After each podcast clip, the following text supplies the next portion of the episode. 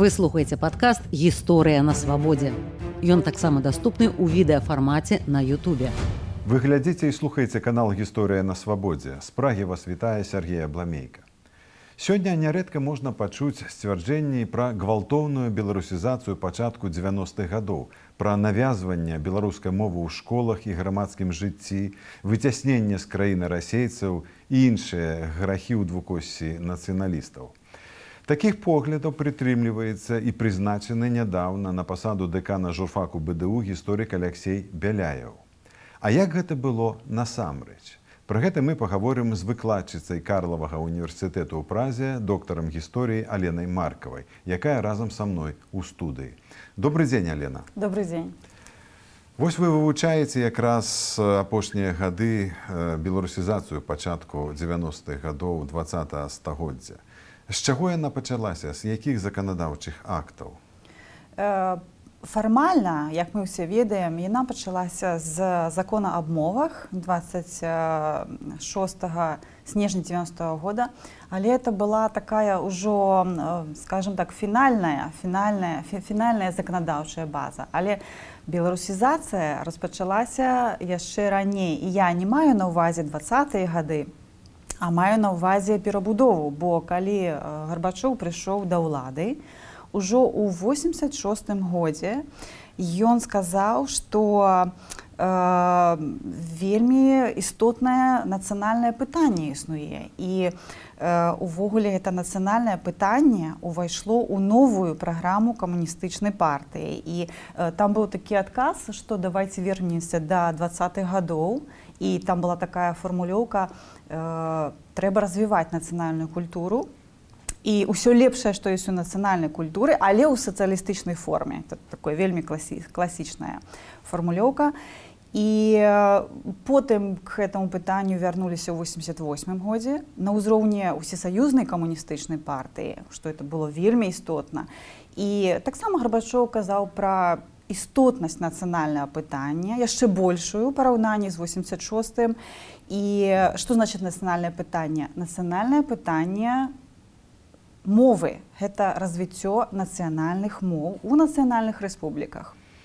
І э, пастанова з 88 -го года дазваляла вытварыць нацыянальнай камісіі пры савеце міністраў і чым это все наша рэспубліка выкарыстала і ўзнікалі напрыклад такія камісіі як камісія па нацыянальнай палітыкі у начале з чыргінавым ці напрыклад камісія па адукацыі культуры з нілам гілевічам якія вельмі актыўна займаліся падрыхтоўкай нацыянальнага пытання і так далей. А потым у 80 80 89 годзе у гарбачоў які быў ужо под ціскам працэсу які ён так не вельмі ўжо кантраляваў это нефармальныя рухі прыбалтыка хоча выйти з савецкага саюза. Ён э, таксама сказаў і это ўвайшло ўсё ў новую платформу кпсс что у нацыянальныя рэспублікі маюць права адобрыць сваю нацыянальную мову як дзяржаўную і вось гэта пастанова яна была такой платформай для далейшага прыняцця ўжо ну, фармальнага закона аб мовах які мы ўсе ведаем з 26 снежня. Ось потым уже пашло паехала быў створан праект закона аб мовах і гэты закон быў абмяркован у дзяржаўных газетах пісалі людзі вось і у потым у парламенце вось гэты закон прынялі. Так што гэты закон аб мовах які мы ўсе ведаем это такая как бы верхавіна такога айсберга. І там былі натуральныя іншыя там праграмы родная мова стратэгічная праграма па ўкараненню і так далей бачыце я ўпершыню чую як гісторык робіць такі агляд які толькі што зрабілі вы. І мне як удзельніку тых падзеяў э, чуць это э, незвычайна трошку дзіўна таму што А, я быў студэнтам і памятаю пра ціск знізу на органы ўлады на камуністыч, на камуністычную партыю бо э, грамадскія арганізацыі якія тады ўжо існавалі нефармальныя яны стваралі вельмі моцны ціск э, гэтыя рашэнні прынятыя яны былі прымушаныя прыняць гэтае рашэнне бо ішлі лісты ў Маскву лісты ў ЦК. Менавіта так так так, так. что это і першы ліст увогуле это было вельмі а, ну так скажем нахабства ну ад нашай беларускай нацыянальнай інтэлігенцыі ўжо ў 86 годзе пасля таго як гарбачоў сказаў што нацыянальнае пытанне это істотнае пытанне наши беларускія навукоўцы пісьменнікі мастакі яны напісалі ліст 28 прычым это было парушэнне субардынацыі паколькі яны не напісалі это сакалову а напісалі прямо гарбачову і у лісце 28 это былі адкрытыя подпісы подпісала станюта напрыклад мастак кулік лэйч гісторык барадулін і быкаў і там э, яны казалі што становішча з нацыянальнай мовай культуры яно гаротнае і памажыце калі ласка вось у духу э, дэмакратызацыі грамадства і так так это і, і таксама быў ціск і нефармальных рухаў натуральна масавых рухаў то бок я нагадаю вы глядзіце і слухаеце канал гісторыя на свабодзе Каб падпісацца на наш канал, націсніце званочак под гэтым відэа ці стаўце падабайку і каментуйце наше відэа. Але калі вы знаходзіцеся ў Беларусі, памятайце, што гэта можа быць небяспечна, бо нас абвясцілі так званымі экстрэмістамі.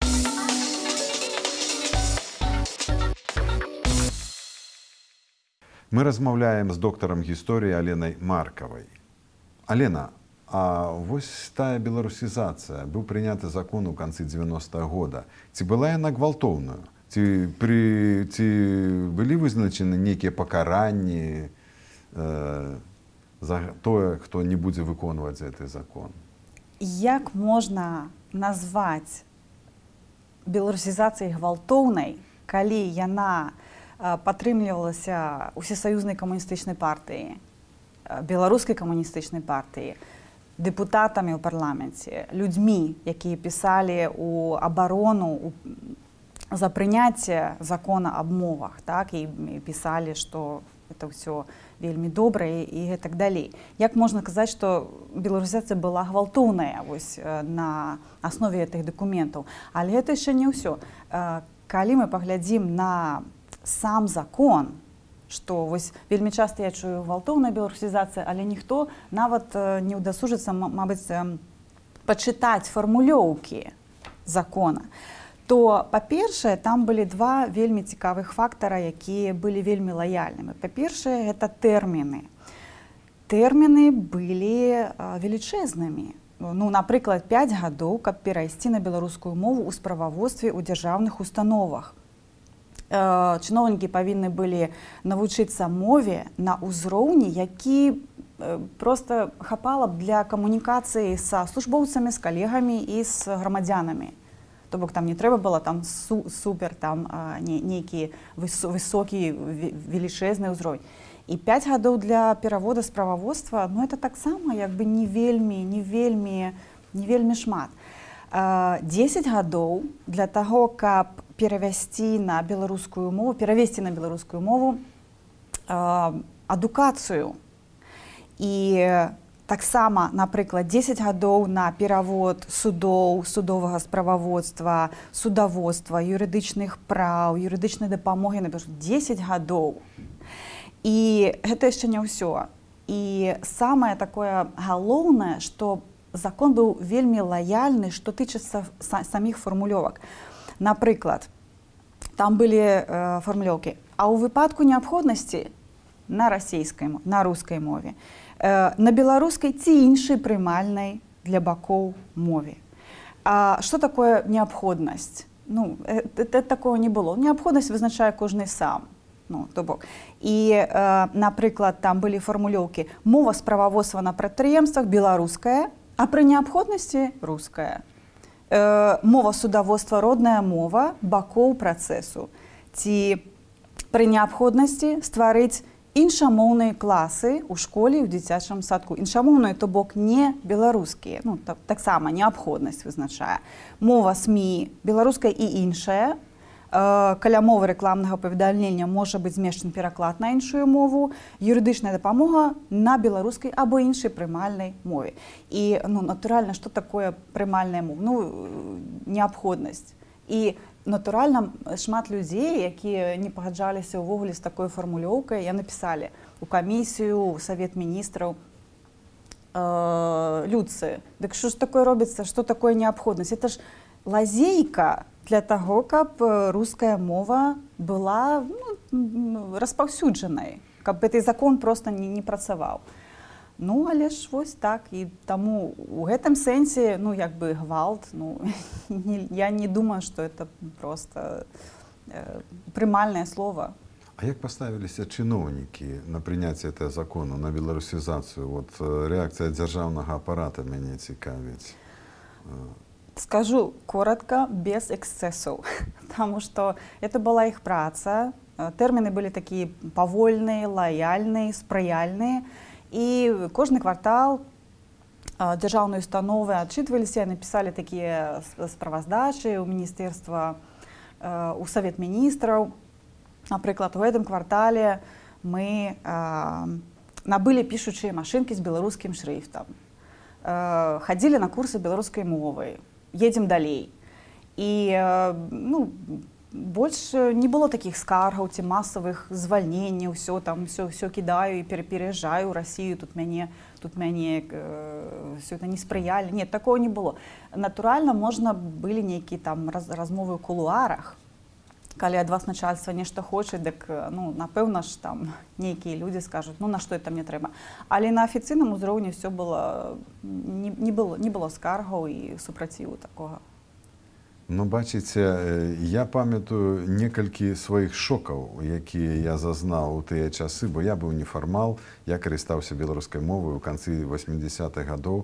Адзін з курса бараніў дыплём на беларускай мове і камусьці ставілі атлічна, а мне паставілі выдатна. Так і дзяржаўная камісія это абвясціла.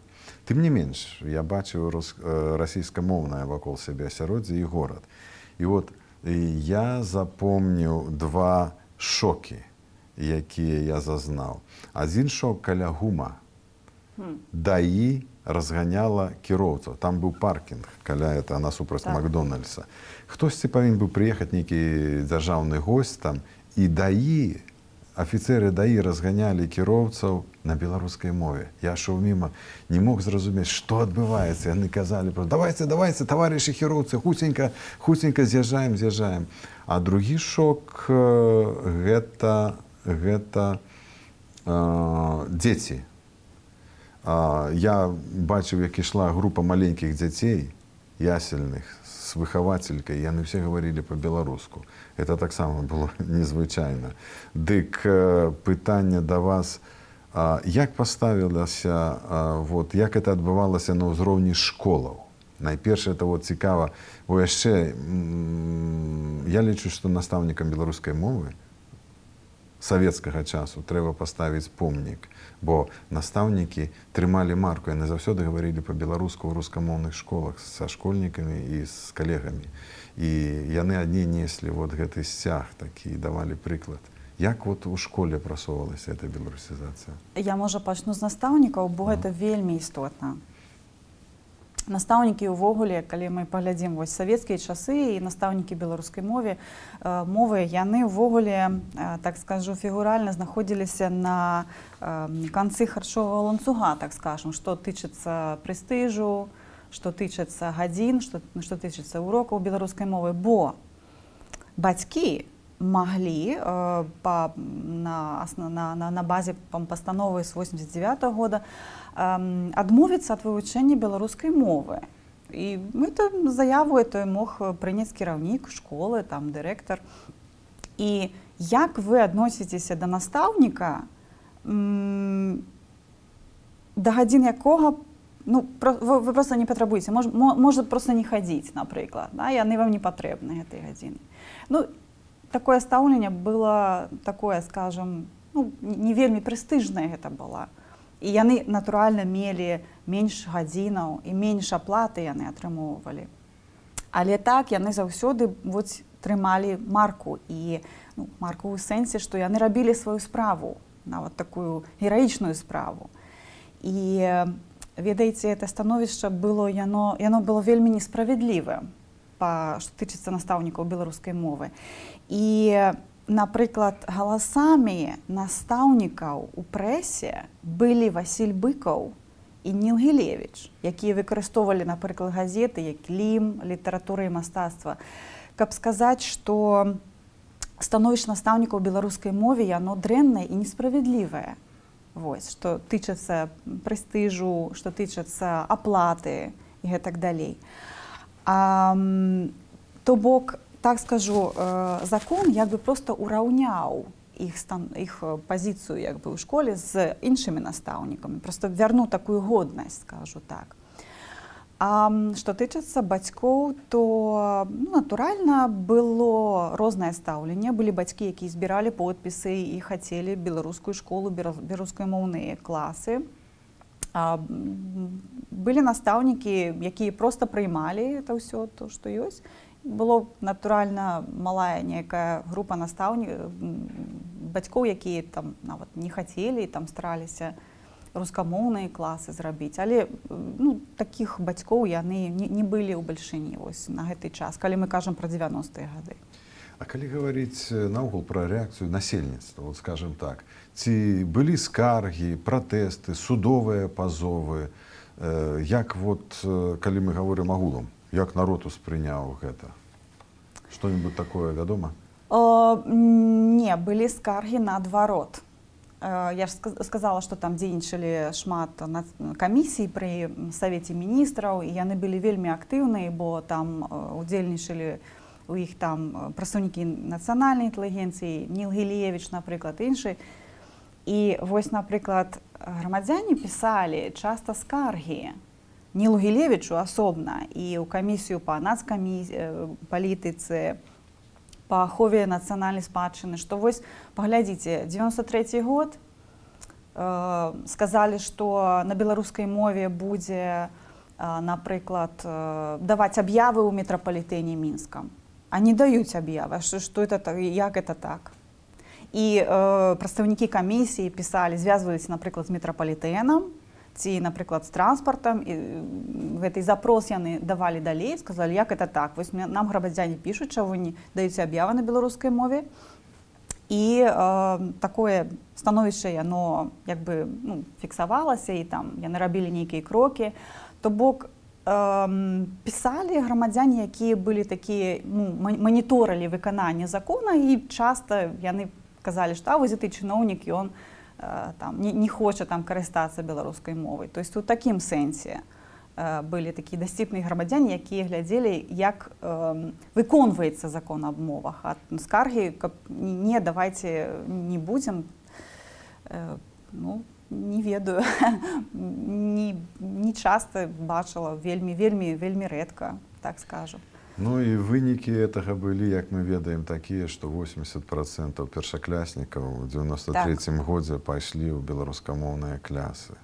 Так пайшлі і э, ніхто як бы не атрымаў псіхалагічную траўму, так скажам, все, все было добра і прадаўжалі працаваць і навучацца на беларускай мове і спынілася ўсё ў 95 годзе з рэферэндумам так? спынілася ўсё з рэферэндумам калі ўсё э, пачало адкатвацца назад э, калі у э, маі 95 -го года э, быў прыняты рэферэндум які устанаўліваў э, рускую мову э, мовай другой другой дзяржаўнай мовай у рэспублікі Беларусь так Дзякую Алена за гутарку. У студыі была выкладчыца Карлавага універсітэту ў празе доктар гісторыі Алена Маркава. Мы гаварылі пра кароткі перыяд беларусізацыі пачатку 90-х гадоў і рэакцыю на яе беларускае грамадства. У празе для вас працаваў Сергей Абламейка. Каб падпісацца на наш канал, націсніце званочак пад гэтым відэа, ці стаўце падабайку і каментуйце наше відэо. Але калі вы знаходзіцеся ў Беларусі, памятайце, што гэта можа быць небяспечна, бо нас абвясцілі экстрэмістамі. Выслухалі падкаст гісторыя на свабодзе. Падпісывайцеся, глядзіце і слухайце ў Ютубе і на ўсіх падкаст-платформах кожны тыдзень.